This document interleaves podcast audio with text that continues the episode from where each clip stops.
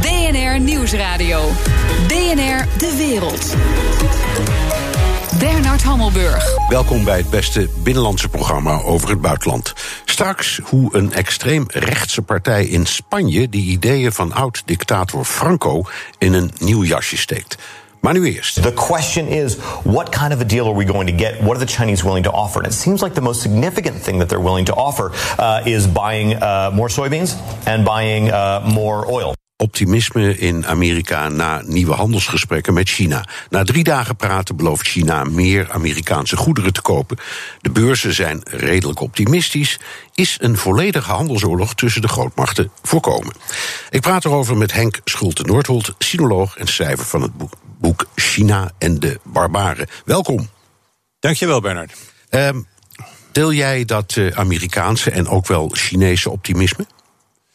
Um, nou, als het tot een akkoord komt, dan is denk ik eerder sprake van een gewapende vrede dan echt een akkoord dat alles gaat beslechten. Um, kijk, wat, dus wat is dus citaat... een, een, een, een, een handelswapenstilstand.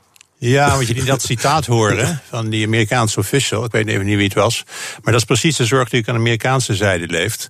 Krijgen we alleen iets korte termijn voorgeschoteld, grote inkoop bijvoorbeeld van sojabonen en dat soort zaken, wat Trump-stemmers uit staten waar Trump-stemmers vooral voorkomen, dat om, om Trump daarmee te paaien, of en dat zijn mensen die dichtbij hem staan, zoals de trade representative, meneer Lighthizer.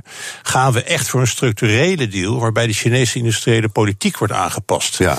En dat laatste, dat willen die Chinezen eigenlijk niet. Ze willen wel nog meer kopen, maar uiteindelijk willen ze hun eigen beleid blijven voeren. Maar er is wel al een afspraak van die meneer Lighthizer met de Chinese vicepremier Liu He. Ik weet nooit of ik het goed of ik het uitspreek, maar. Uh, Liu He. Liu kan.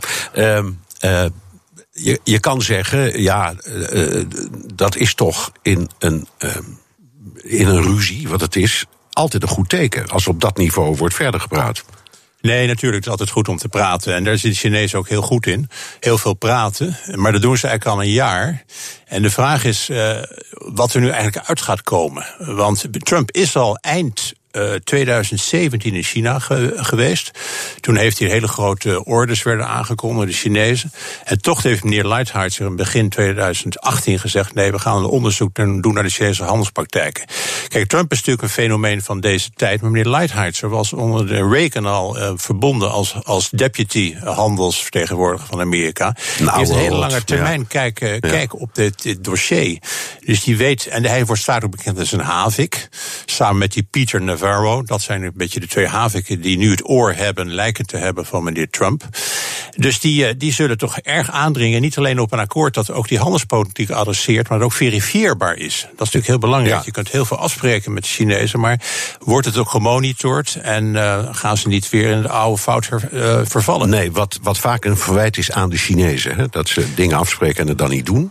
Ja, denk even aan de Wereldhandelsorganisatie. Daar zijn ze bijna 20 jaar lid van. Zo hebben ze allerlei beloftes gedaan over openstelling van de markt.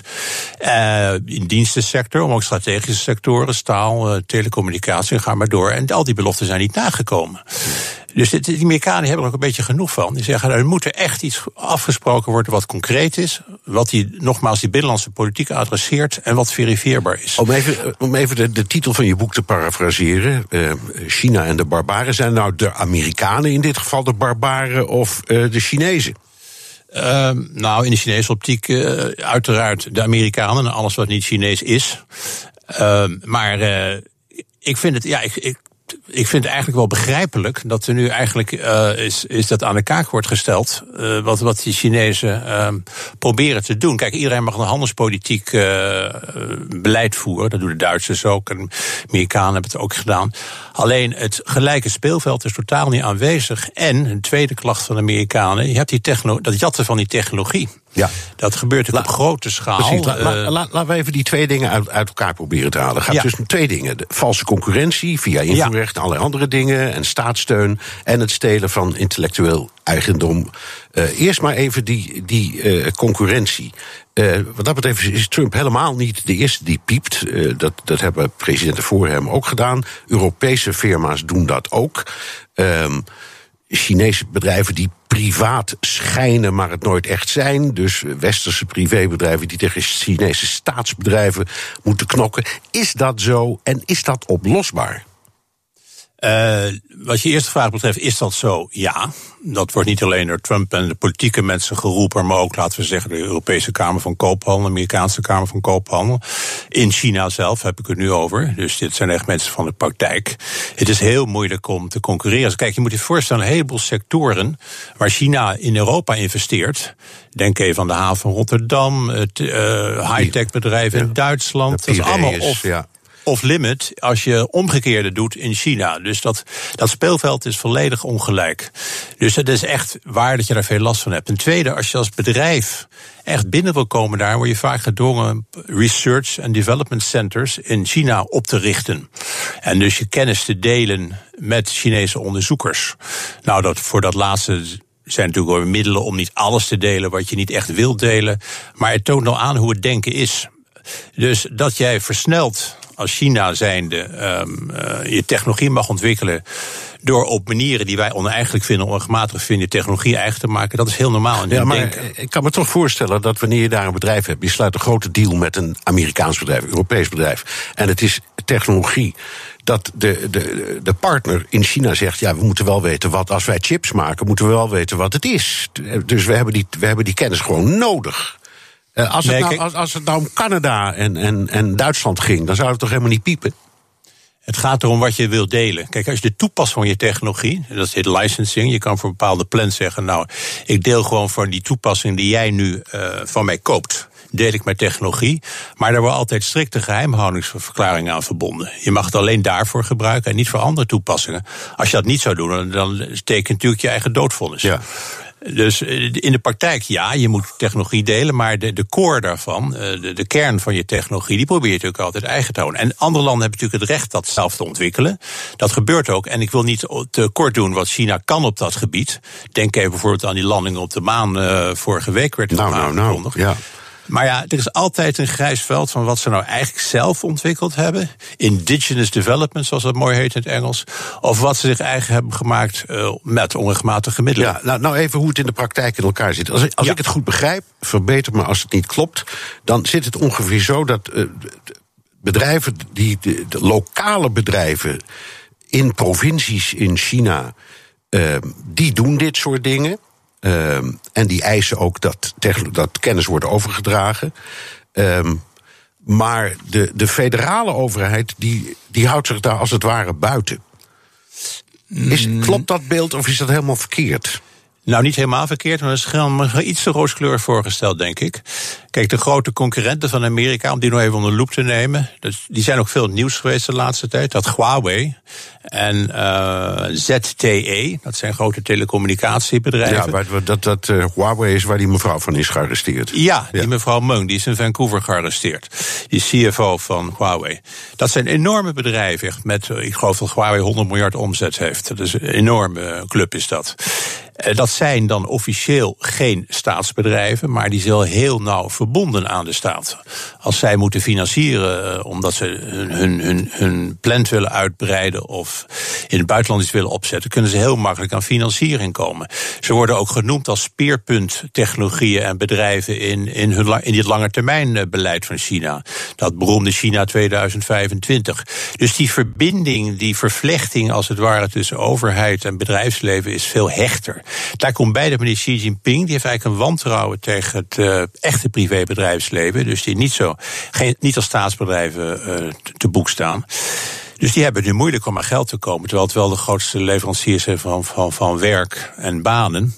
Maar goed, even terug naar die staatsbedrijven. Dat is heel nauw verbonden aan de Chinese overheid, leest de Communistische Partij. Want Xi Jinping gelooft, wij moeten nationale kampioenen creëren op verschillende terreinen, waarvan telecommunicatie er één is, maar denk ook aan chips, zelfrijdende auto's, batterijen, dat soort zaken. En daar zullen we alles aan doen om daar dominant te worden in de wereld van de 21ste eeuw. Ja, uh, China heeft ook gezegd: we kunnen niet aan alle Amerikaanse eisen doen vanwege nationale veiligheidsreden. Een, een argument dat Trump ook te pas en te onpas gebruikt. Welke zijn die, die, die Chinese nationale veiligheidsredenen? Je bedoelt de Amerikaanse waarom ze de Chinese bedrijven weren? Um, ja. Ja, ja oké. Um, nou ja, dat is moeilijk soms de vinger op te leggen, maar uh, die Huawei, dat tenminste Amerikanen, ik zeg het even in kindertaal, die beweren dat er middelen in zitten, software of apparaatjes waarmee je kunt spioneren. En dat is heel moeilijk te achterhalen, technisch aan te tonen, maar daar zijn ze van overtuigd. En niet alleen zij, maar ook Australië, Nieuw-Zeeland, ja, Engeland beginnen ook te twijfelen. ja. die beginnen ook te twijfelen of het wel goed is om met die, met die uh, Huawei in zee te gaan. Ze zegt het is gewoon een rechtstreekse bedreiging voor onze, onze nationale veiligheid. Ook, ook hackers, hè, dat is ook een hele grote issue natuurlijk. Dat, uh, dat computers aanvallen en daar dingen uitstelen. Daar, eh, daar worden ook continu mensen veroordeeld uh, door de Amerikaanse uh, departement van Justitie. Soms zijn die mensen niet in Amerika zelf en kunnen ze dus niet pakken. Maar worden ze wel uh, veroordeeld. en zijn ze nog in China, kunnen dus het land niet meer uit. Dus dat gaat wel steeds verder. Ja. De Amerikanen zijn misschien wat te geobsedeerd met nationale veiligheid. Ja. Huawei, neem ik aan het. Huawei staat overigens wel op de, op de technologiebeurs in Las Vegas, las ik net online. Ja, dat ja, vond ik wel grappig. Goed, zo dadelijk. Xi Jinping is de almachtige leider van China, maar is hij dan ook machtig genoeg om de druk van economische stagnatie te weerstaan? BNR Nieuwsradio. BNR De Wereld. Mijn gast Henk Schulte-Noordholt, sinoloog en schrijver van het boek China en de barbaren. It comes down as well largely to the desires of the two presidents. President Xi under the economic pressures he faces and of course President Trump who we know is pretty focused on the market reaction. In Amerika voelt president Trump de druk van rode cijfers op de beurs. Hij wil snel een deal in de handelsoorlog met China. Zit zijn Chinese collega Xi Jinping in een vergelijkbare positie? In China is president Xi Jinping almachtig. Henk, wat doet deze handelsoorlog met zijn positie? Ja, dit citaat werden de beurzen genoemd waar, waar meneer Trump zenuwachtig van wordt. Dat wordt meneer Xi niet minder. Want de Chinese beurzen zijn nog veel harder geraakt vorig jaar. Uh, dan de Amerikaanse. Ze zijn ongeveer 28% teruggelopen. En dat is een enorm probleem. Um, want die beleggers op die beurs zijn niet alleen grote instituties, maar ook heel veel kleine spaarders die daar hun spaarcentjes in stoppen. Dus als die, uh, die dat soort klappen krijgen, dan krijg je altijd het fenomeen waar uh, de Chinese leiders bang voor zijn: sociale onrust. Als je daarbij optelt ehm, de economische groei die toch sterk afneemt, de torenhoge schuldenlasten van de Chinese staat, bijna 300% van het nationaal product, en dan begrijp je dat ze toch wel in zwaar weer verkeren. En het sentiment zou wel kunnen omslaan als er een deal wordt bereikt, wat hij natuurlijk gaat bereiken als een, presenteren als een grote overwinning. Ja, maar uh, je zei net uh, voor de reclame dat uh, Xi Jinping toch ja, ik zal maar zeggen, een hele autocratische man is. En heel duidelijk een visie heeft. En ja. de staatscontrole niet wil verliezen. Uh, maar is zijn, is, zijn, is zijn eigen positie te handhaven als eh, deze kwestie niet wordt opgelost? Met andere woorden, heeft ook hij niet belang bij een snelle deal, zelfs als die deal schijn is? Ja, nee, dat heeft hij zeker. Kijk, hij is wel autocratisch. Hij heeft ook niet uh, zich zorgen te maken om de volgende verkiezing. Zoals je weet heeft hij de grondwet gewijzigd. Hè? Hij uh, ja, kan nu aanblijven voor, voor het eeuwig, leven. Ja. En ik was laatst in China en ik hoorde dat zijn ambitie is om er 2035 aan te blijven. Um, waarom? Want dan wordt hij 82 en dan is hij even oud als Mao, die ook tot zijn 82ste uh, de baas van China was. Ja. Dus om maar even zijn persoonlijke ambitie te schetsen. Maar dat betekent niet dat hij geen rekening moet houden uh, met wat er leeft in het land. Ze zijn altijd uiterst gevoelig, dat is een beetje paradoxaal. Van, uh, heb ik wel het recht om te regeren? En um, de communistische leiders of dictators in het algemeen. En bij hem zijn er twee dingen waar hij vooral naar kijkt. Eén is uh, de economische groei. Want als hij dat niet kan leveren, ja, dan wordt de positie van de partij toch wel heel penibel. En waar gaat die groei uit voortkomen? Uit die nieuwe technologieën uh, de, van de 21ste eeuw waar we het net over hadden. Ja. Dus, uh, telecommunicatie, uh, kunstmatige intelligentie, et cetera. Dus daar botst hij al van nature mee met de Amerikanen die daar nog leidend in zijn. Zijn tweede claim op legitimiteit is wat hij zelf noemt de grote verjonging van de Chinese natie.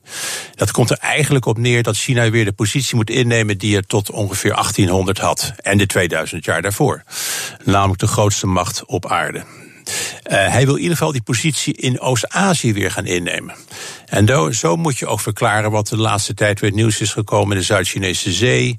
En het, de zeer oorlogszuchtige speech die hij vorige week heeft gehouden richting Taiwan. Ja, ja als, als jullie blijven doorgaan met dat ja. uh, roepen om onafhankelijkheid, dan grijp ik gewoon militair in. Daar kwam het op neer. Ja, komt eigenlijk op neer. Hij zei van, uh, ja, Taiwan moet en zal weer bij China komen. Of je nou leuk vindt of niet. Ja, dat laatste zei hij niet, maar dat was de, de boodschap. Wij willen dat als Chinezen vreedzaam oplossen, maar wij sluiten geweld niet uit. Nee, en, en, en de formule is altijd één land, twee regeringen. Ja, hè? ja precies. En daar is uh, die mevrouw Tsai van Taiwan er niet van gediend. En de meeste Taiwanese niet. Want ze hebben gezien wat dat in Hongkong in de praktijk betekent. Ja, daar gaat langzaam het licht uit. Zoals daar gaat langzaam, ja. ja. Het lijkt mooi en dat je je eigen binnenlandse soevereiniteit behoudt. Maar die wordt langzamerhand onder, uh, stapsgewijs ondermijnd. Ja. Dus daar wil die Taiwanese absoluut niet aan. Maar het tekent maar het, het grotere verhaal. En hij zegt, dat wil ik in mijn levens, in mijn termijn, hij heeft nog even de tijd, wil ik dat voltooien. Dan ben ik, word ik een historische... Grote stap voorwaarts. Ja. Ja, oké.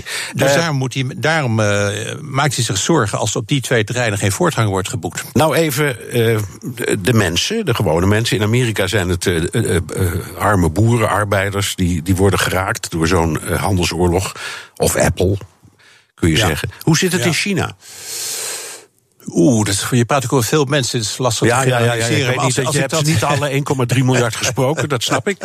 Maar een beetje een idee als ik dat mag generaliseren, dan denk ik dat hij toch heel veel steun heeft onder de, laten we zeggen, lager opgeleide mensen, de boeren, nog steeds 50, 60 procent van de bevolking. bevolking. Um, waarom? Omdat hij uh, toch wel veel doet voor de levensstandaard uh, van die mensen, de armoedebestrijding. Maar ook omdat een van zijn handelsmerken van zijn regime is corruptiebestrijding. Um, of dat nou echt gebeurt en of ze, die zijn vriendjes spaart of niet, dat even terzijde. Maar dat, die, die slogan wordt zeer gewaardeerd. Want mensen op lokaal niveau hebben daar eigenlijk nog het meeste last van. De lokale partijbonds die, uh, die het land onteigent van de boeren en dat soort zaken. Ja. Dus hij wordt gezien als een sterke man die de kant van het volk kiest tegenover. Eig, eigenlijk, eigenlijk precies hetzelfde als, het, als ja, wat er met Trump aan de hand is. Dus. Wel vergelijkbaar, ja. ja. Die, uh, hoewel hij ook die staatsbedrijven natuurlijk steunt, maar hij, hij verzet zich toch. Hij, hij komt ook op voor de kleine man. Ja. Dat, dat, is wat imago wat hij met succes weet neer te zetten. Nou, nou ook even voor onze beeldvorming. Um, ik, ik, kijk uh, dagelijks op uh, persbureau Xinhua, spreek ik dat goed uit? Xinhua, bijna. Oké, okay, nou bijna goed. Uh, en ik heb daar het woord handelsoorlog nog nergens getroffen. Sterker nog, ik heb nee. de afgelopen weken eigenlijk nauwelijks een woord getroffen over deze hele kwestie. Vandaag wel een berichtje. Uh, dat er, er, wordt gepraat tussen de twee zijden en dat het uh, de hele diepe en belangrijke uitwisselingen zijn over uh, belangrijke kwesties en dat ze luisteren naar elkaars zorgen. Punt. Ja. Uh, nou ja, met, met, andere woorden, wat weten de Chinezen eigenlijk van dit hele verhaal af? Dat is een goede vraag. Je had het net over overeenkomsten tussen Trump en Xi. Nou, fake news is ook een overeenkomst. Zij dat in China alles, al het nieuws in zekere zin fake is, omdat het allemaal propaganda is. Ik zeg het even heel kort door de bocht. Maar inderdaad, als, als zaken worden uitgelegd zoals de partij dat wil. En om een voorbeeld te geven, toen 1 december was het geloof ik, werd dat akkoord gesloten hè, om het uit te stellen, de, de tarievenverhoging, met 90 dagen. En dat is helemaal niet, die 90 dagen termijn is helemaal niet genoemd in de Chinese pers. Er werd gewoon gezegd dat er een heel goed overleg was en dat de partijen dicht bij elkaar ja, wat, zijn. Wat er vandaag eigenlijk ook weer op staat. Ja, op, precies, op, wat jij net ja. noemde. Ja. Dus uh, alle soorten tekenen. Nu zijn natuurlijk veel slimme Chinezen die toegang hebben tot, tot het echte nieuws.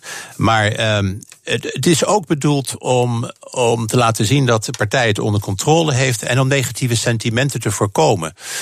Bijvoorbeeld zodat de beurs nog verder daalt. Nou, daar zijn ze niet echt in geslaagd, zoals we het net constateerden.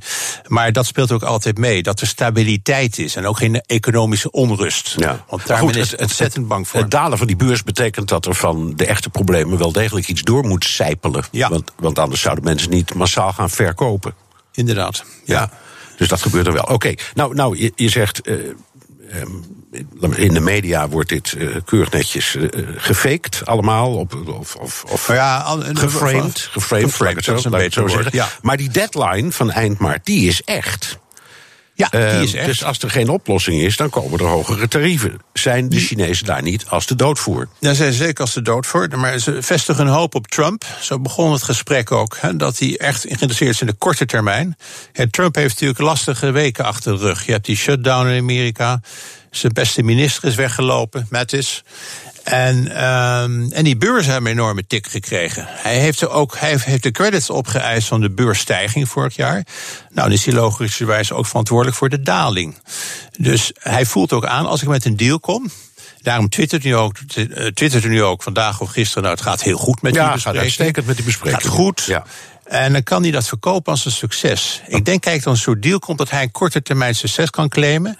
Maar dat er toch een side deal wordt gemaakt, al dan niet openbaar. We blijven monitoren en de structurele problemen, daarvan gaan we nog een oplossing zoeken. En als u zich slecht blijft gedragen, meneer Xi, meneer China, dan gaan we alsnog weer die tarieven instellen. ik begrijp, ja, ik. ik begrijp dus de, dat, dat er van jou, als ik het zo mag samenvatten, dat er misschien wel, of dat de kans redelijk is op een soort cosmetische oplossing voor de korte termijn, maar dat de handelsoorlog in feite, of de, de, de, de basis daarvan, niet wordt weggenomen.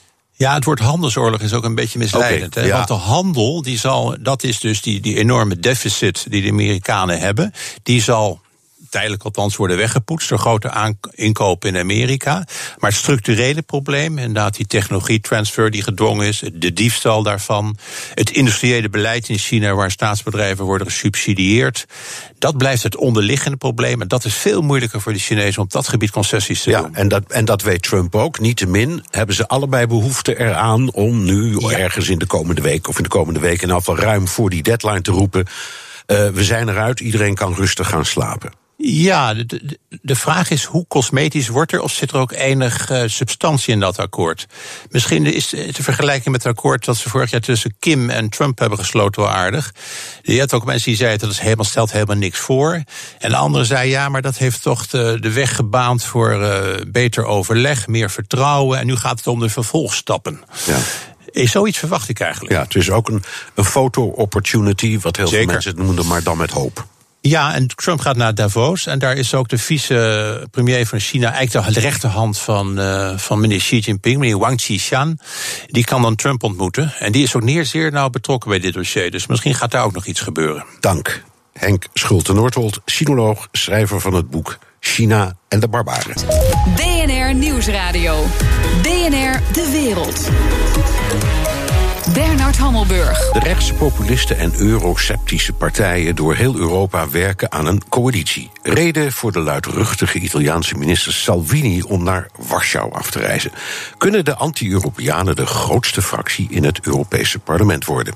Europa-verslaggever Jesse Pinster was er een warme ontvangst voor Salvini in de ijskoude Poolse hoofdstad. Ja, absoluut. Jaroslav Kaczynski, de grote man achter de regeringspartij in Polen, die eh, vond het erg fijn om hem eh, te ontmoeten. En Salvini zelf had na afloop natuurlijk weer heel veel grote woorden. Ik pak er even een paar uit. Richting de verkiezingen was dit natuurlijk. Het gevecht der gevechten. Het is tijd voor een nieuwe Europese lente, want de Europese droom is vermoord in Brussel.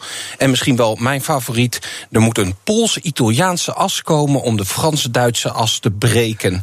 nou ja, en dan hebben we het dus over de PiS-partij en Lega van Salvini. En ja, dat zijn toch wel flinke partijen, want dat zijn grotere landen. Dus als je kijkt hoe die nu in de peilingen staan, dan komen ze eigenlijk per partij in de buurt van hoeveel zetels Nederland in zijn geheel heeft. En Salvini, die heeft zelf een, eh, een historie als Europarlementariër. Meer dan tien jaar zat hij in het parlement, wist daar veel coalities te bouwen. Dus toch iets om rekening mee te houden. Ja. Wat verbindt ze en waar zijn ze het helemaal niet over eens? In de woorden van Salvini is er 90% waar ze het over eens zijn. En laten ze die 10% liggen voor de lol. Um, ik denk dat het misschien wel iets meer is dan die 10% uh, voor de lol. Waar ze het over eens zijn, dat is toch ja, conservatieve christelijke waarden en normen. En vooral waar ze tegen zijn. Tegen Brussel en tegen migratie. Maar als je dan een beetje gaat inzoomen, dan zitten er ook nog wel behoorlijk wat verschillen. Om er een paar uit te halen. De houding ten opzichte van Rusland. Italië, de regering die daar nu zit, zijn pro pro-Russisch in Polen absoluut niet. Uh, ook migratie bijvoorbeeld. Ja, de Italianen willen dat de migranten verdeeld worden over de rest van Europa. Polen wil ze absoluut niet in Polen hebben. En dan is er natuurlijk altijd nog de kwestie van geld. Ja, de Polen, ook Hongarije, dat zijn toch landen die vooral profiteren daarvan. En landen die betalen, die willen uh, liever niet nog meer betalen. Dus daar zit nog wel wat, uh, nou ja, waar ze het overheen nou, Het zijn ook niet zomaar onderwerpjes. Het is natuurlijk de kern van heel veel disputen. Maar goed, uh, er zijn inmiddels al politieke groepen in het Europese parlement waarin rechtse partijen samenwerken. Ja, er zijn eigenlijk twee belangrijke fracties op dit moment. Dat is het Europa van Naties en Vrijheid, waar bijvoorbeeld de PVV, Front National, Lega, waar we het al even over hadden, in zitten. En dan heb je de wat kleinere Europa van Vrijheid en directe democratie, bijvoorbeeld uh, Alternatief Vuur Duitsland zit erin. Die hebben nog maar één Europarlementariër, maar dat zal wel gaan groeien. Maar binnen deze fracties zie je dat de discipline niet heel hoog is. Dus om met z'n allen voor één ding te stemmen, dat lukt lukt nog vaak niet een groep die we toch even moeten aanstippen, uh, maar meestal niet tot die rechtse populisten wordt gerekend, zijn de Europese conservatieven en hervormers. Want daar zit die PiS-partij, die Poolse partij, die zit daarin. En die zijn eigenlijk op zoek naar een nieuw thuis. Want ja, die zijn een redelijke fractie, maar dat komt omdat er allemaal Britse conservatieven in zitten. En die zijn na de brexit straks Weg, vertrokken. Ja. En dat betekent wel trouwens dat onze kleine ChristenUnie uh, samen met SGP, die zitten samen in het Europees parlement, dat die misschien straks helemaal zonder uh, thuis zitten. Want je kan je niet echt voorstellen dat ja, Gert-Jan Segers en Matteo Salvini naast elkaar. Ik weet het nog niet. Nee. Um, hoe zit het met de PVV en het Forum voor Democratie? Is er voor hun een plaatsje in die Pools-Italiaanse as? Nou, de PVV die, die was al een van die oorspronkelijke oprichters van dat uh, Europa van naties en vrijheid. Waar Salvini toen ook een rol in gespeeld heeft om die partijen bij elkaar te brengen. Dus dat zou een soort ja, logische thuishaven zijn. Er schijnen ook wel gesprekken te zijn uh, tussen deze partijen, omdat ze nu al in dezelfde fractie zitten. Bij het Forum is dat toch wel wat anders. Weet je, het is een beetje de new kid on the block, die toch wel drie van de 32 zetels die Nederland krijgt zou kunnen gaan behalen. Als we naar de peilingen kijken nu. En tijdens het partijcongres in november heeft Thierry Baudet gezegd dat hij niet met Marine Le Pen wil samenwerken. En die zit nou net ook in die familie. Ik denk dat hij ook niet zo graag in dezelfde familie als de PVV zit. Hij krijgt natuurlijk in Dirk-Jan Epping wel ook een routinier, hè? ook een oud Europarlementariër. Dus ook, iemand... ook uit de, die, die waarschijnlijk nog wel met Salvini inderdaad uh, in dat uh, parlement gezeten heeft. En ik bedoel, Baudet is wel een paar keer langs geweest bij papa Le Pen.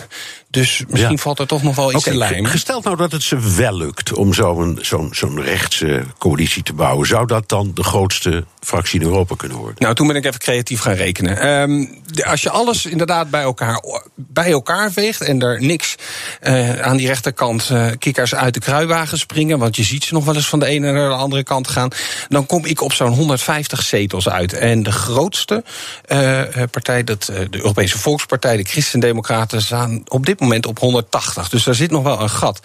Maar in die Europese Volkspartij, daar zit natuurlijk wel Viktor Orban. En dat is misschien wel het lichtend voorbeeld voor Salvini.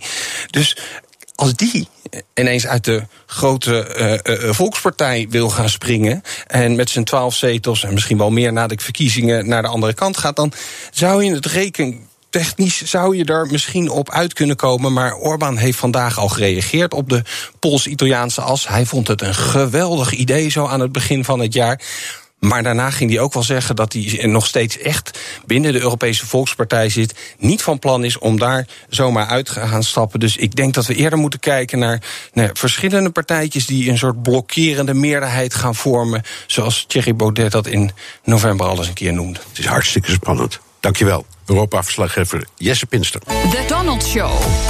Tijd voor een update over de United States of Trump met Jan Postma, onze correspondent in Washington. We moeten het natuurlijk hebben, Jan, over de shutdown en de muur. Trump gaat vandaag naar de grens. Wordt dat een mediaspectakel?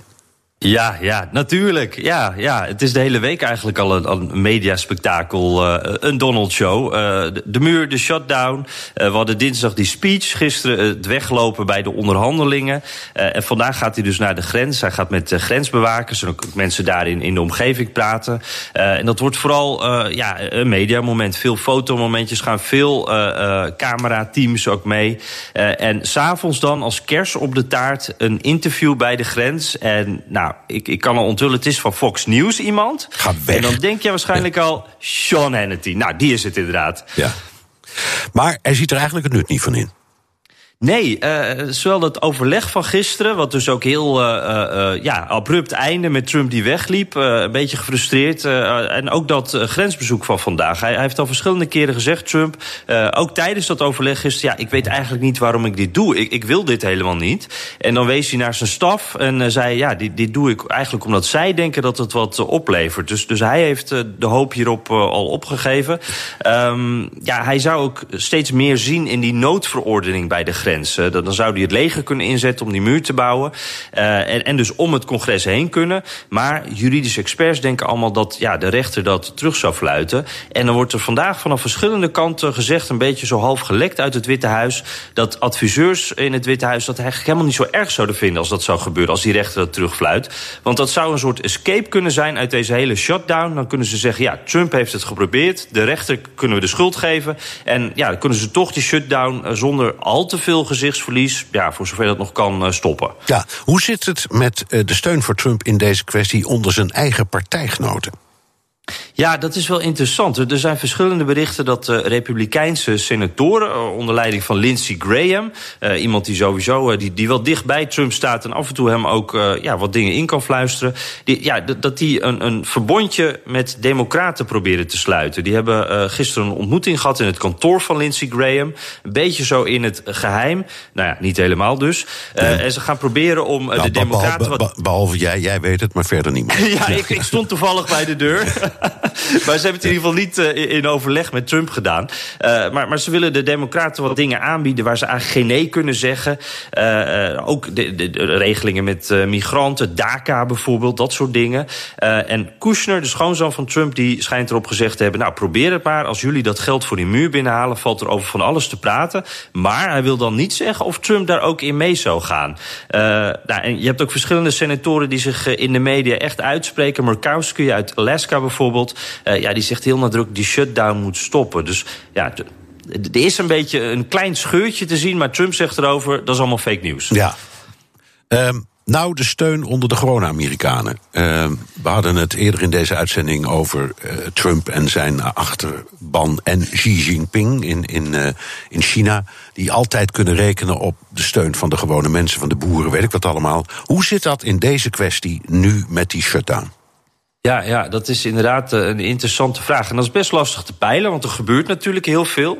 Maar 538, die website die, die dat allemaal analyseert... die zetten een paar van die peilingen op een rijtje. En dan, zij komen dan eigenlijk met de cijfers dat um, sinds het begin van de shutdown... het aantal mensen dat Trump de schuld geeft is gestegen met 4% Dus een klein beetje. Dus nu iets van 50, 51% van de Amerikanen vindt dat het de schuld van Trump is. En een derde vindt dat het de schuld van de Democraten is. En dat blijft ongeveer gelijk. En je zou kunnen zeggen als we het dan over steun hebben van achterban, die een derde die de Democraten de schuld geeft, ja, dat is ook zo ongeveer de Trump-achterban. Dus ja. dat zou best uh, dezelfde mensen kunnen zijn. Ja, want dat is altijd een derde. Hè? Hij is ook met een derde gekozen. Gewoon diezelfde groep. Dat is wat je zegt. Ja, ja, klopt. Die mensen die blijven achter hem staan. En nog steeds, no matter what, uh, zij vinden dat de president. Ja, uh, zij vinden die muur uh, natuurlijk de belangrijkste campagnebelofte van Trump. Vinden zij ook zo belangrijk dat zo'n shutdown. Ja, dat is het gewoon waard. Dankjewel. Correspondent Jan Posma vanuit Washington.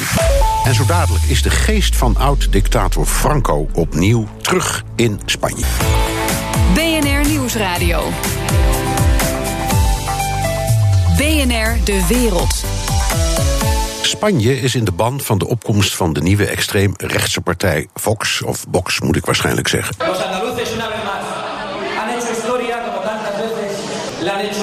Del tiempo. Y se han sacudido 36 años de régimen socialista. De partij geeft steun aan een nieuwe rechtse coalitie in het zuiden van Spanje. Bij de lokale verkiezingen won Vox of Box, we gaan het direct horen, uit het niets 12 zetels. En de verwachting is dat ze ook bij de komende Europese verkiezingen flink gaan groeien. Ik praat erover met Gijs Mulder, universitair docent Spaanse taal en cultuur aan de Radboud Universiteit Nijmegen. Welkom. Dank je. Eerst even, is het Fox of Box? Nou, niet box. Nee, dat is, uh, het zit er tussenin uh, in Spaans. Louis van Gaal Spaans, maar ja. het is box, een zachte B. Een zachte B, oké. Okay. Waarom komt die partij op? Die partij is uh, heel duidelijk, is een direct verband te leggen met de Catalaanse crisis, die nou anderhalf jaar geleden is begonnen. Uh, op de golven van de, de weerzin van de onafhankelijkheidsbeweging in Catalonië, die leeft in de rest van Spanje, is hier toch wel heel, een directe duidelijk uh, aanleiding te, te, te zien. Ja, nou is een hele lange tijd is, is Vox, ik zal het proberen, hè? blijf proberen, zeg ja, uh, weggezet als, uh, als, als een stel uh, gekkies. en nu praten de Spaanse media nergens anders meer over. Hoe, hoe kan dat? Ja, Vox is een relatief recent opgerichte partij. En uh, de, het gezicht van uh, Box is een politicus die, altijd, die al heel een ervaren politicus uit de Partido Popular, die daar een aantal jaar geleden is uitgestapt. En, uh, en het is eigenlijk dat het gedachtegoed van, uh, van Franco in het akkoord dat nu is. Is, is vandaag is definitief tot stand is gekomen, zijn een beetje de scherpe randjes van het oorspronkelijke programma van Box afgeslepen. En wat je ziet is dat de, de, in, in dat akkoord herken je toch allerlei ideeën die appelleren aan de dictatuur van dat is, daar schrik ik van als ik dat hoor. Uh, want Franco is voor ons toch nog altijd, uh, ja, samen met Mussolini, dat waren toch de, de, de, de twee eerste kwade geesten voordat het nationaal socialisme zich over de wereld stortte.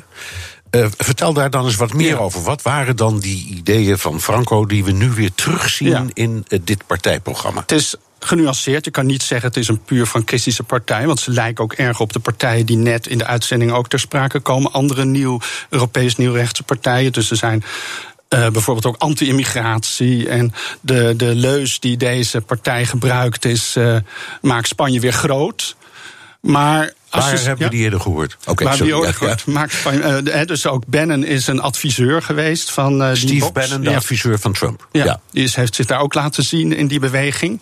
Maar als je nu kijkt wat er nou is overgebleven... dan is, wordt heel erg de nadruk gelegd op uh, Spaanse tradities. Uh, er wordt bijvoorbeeld, wat er in dat akkoord heel expliciet staat, is dat de wet op het historisch geheugen, die ruim tien jaar geleden in werking is uh, gesteld om in het reinen te komen met frankistische verleden, die wordt afgeschaft. Uh, verbod op abortus. familie staat voorop. Het zijn allemaal waarden die, die toch wel doen denken aan oude tijden. Hoewel het nu al 40 jaar geleden is dat uh, Franco stierf, spreekt dit toch ook nieuwe generaties aan. Dus ook Franco zelf, of de herinnering aan Franco, leeft voort? Uh, nou, nou, het is dat de jonge generaties, want je moet ouder zijn ja, dan... Ik, ik hoor zelf, sorry ik ontbreek, ja. ik hoor zelf als ik daar ben vaak uh, mensen roepen... nee, dat kon natuurlijk niet, maar wat je ook over Hitler hoort en, en de snelwegen... hij heeft toch ook wel fantastische dingen gedaan ja. voor dit land. Ja, hij heeft stuwdammen gemaakt en zo, geweldig. van dat soort verhalen. Toffe maar, peer. Uh, Franco uh, is bijvoorbeeld in het onderwijs. Heel veel jongeren weten nauwelijks meer wie Franco is. Ik bedoel, een nieuwe generatie is niet zo dat, er, dat het allemaal, die stemmers op, uh, op die nieuwe partij, allemaal mensen met van die dunne snorretjes en zonnebrillen zijn. Van die typische Frankisten. Dat is ook weer niet zo. Maar wat het misschien, uh, wat, het, wat, wat een interessante vraag is, in die, die aan de grondslag ligt aan waar we het nu over hebben, is wat is er nou nog eigenlijk over van dat frankisme in de Spaanse ja, samenleving. Ja, ja, je kunt, als je de vraag stelt, moet je hem beantwoorden. Ja, ja, nou, dat zal ik nu mijn best doen. Dat is best wel complex. Het punt is dat er toen Franco doodging, werd er niet radicaal gebroken met die dictatuur. Er is geen schoon schip gemaakt. Er is uh, dus de justitiële macht, de, de, politieke macht. Er zijn allerlei groepen in van de, van de, die een grote rol speelden in het frankisme, konden gewoon doorgaan. Er is een uh, nieuwe uh, ontwerp van, de, van het politieke systeem gekomen. Met autonome gewesten, waarin regio's als Catalonië, Baskeland en Galicië een zekere mate van autonomie kregen. Maar die autonomie is niet echt een pure autonomie. Die is een beetje, het is een beetje. Um, een halfbakken federatie, laten we zeggen. Ja. En nog steeds. Dus minder ja, dan bijvoorbeeld in Duitsland of de Verenigde Staten of Zwitserland, waar die, waar die, waar die gewesten echt uh, ja, het zijn eigenlijk onafhankelijke staten die verbonden zijn in een federatie. Maar dat is daar niet zo. Nee, nou, die, ze hebben wel een grote mate van zelfstandigheid. En dat, dat zie je. Ze hebben eigen politie, ze hebben eigen het onderwijs, kunnen ze op allerlei manieren eigen beslissingen overnemen. Maar uh, ze hebben niks te zeggen, die autonome gewesten, over de, de landelijke wetgeving, over de fiscale wetgeving. Dus het is een beetje een halfbakken federatie eigenlijk. Ja. En wat je ziet, want daar zijn we nog niet toe gekomen, maar wat ik al eerder eigenlijk had moeten zeggen, is dat wat, waarom die box zo enorm is. Nou, enorm op. Het is de vijfde partij hè, van Andalusië, 10% van het electoraat. Is uh, wat echt een groot thema is, is die eenheid van Spanje. Ja. En dat, is ook, dat weerspiegelt ook dat dat nog steeds een onopgelost punt is in Spanje. Ja, maar en, dat, en, en de metafoor daarvan is Catalonië. De metafoor is Catalonië. Ja, uh, maar dat geldt ook voor andere rechtse partijen die, die, die dat onafhankelijkheidsstreven of de haat tegen Catalonië uh, heel groot ja, in hun programma ja, bestaan. Ja, ja, dus dat is eigenlijk heel merkwaardig. Want je hebt die uh, traditioneel rechtse partij, de Partido Popular, die daar ook uh, die nu een nieuwe opvolger van Rajoy, dat is een, een jonge Havik, die, die ook uit hele heftige uitspraken doet over Catalonië. Dat die Catalaanse partij, die onafhankelijkheidswoorden, die ze moeten illegaal worden verklaard.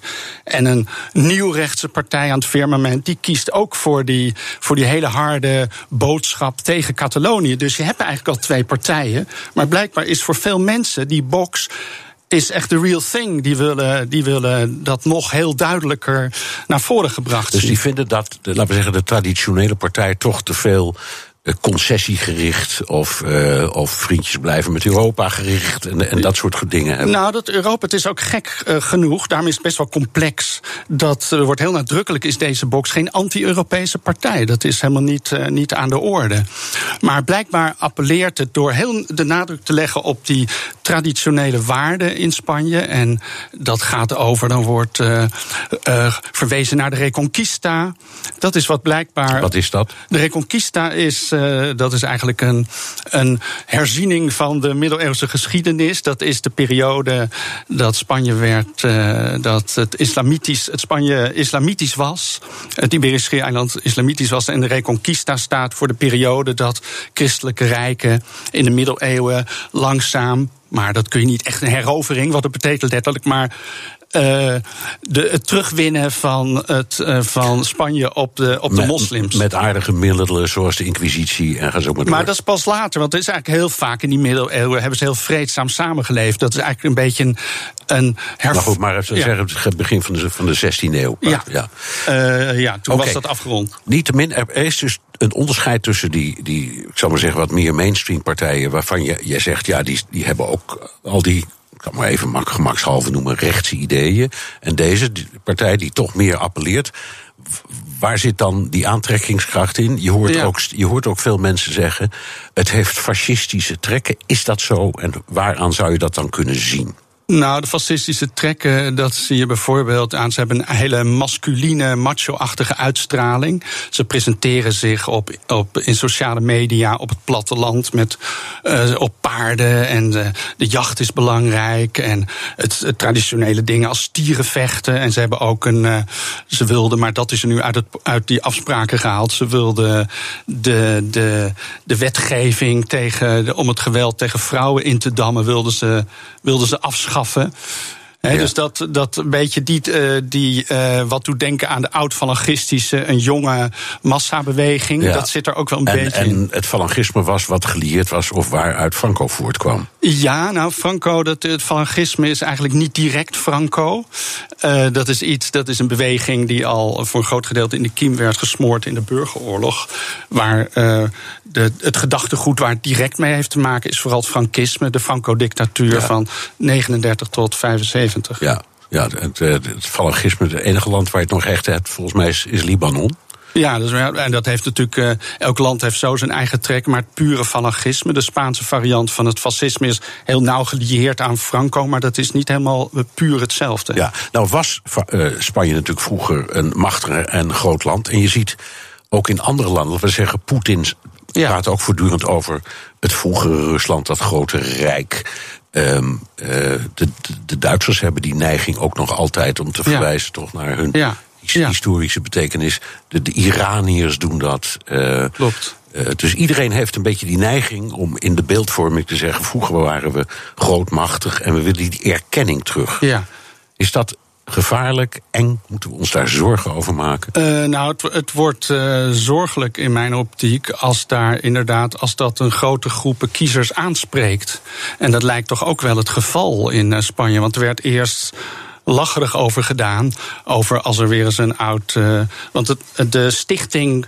Uh, die, uh, de, de, stichting Franco die is, die is niet geïllegaliseerd. Hij is nog steeds zichtbaar in de Spaanse samenleving.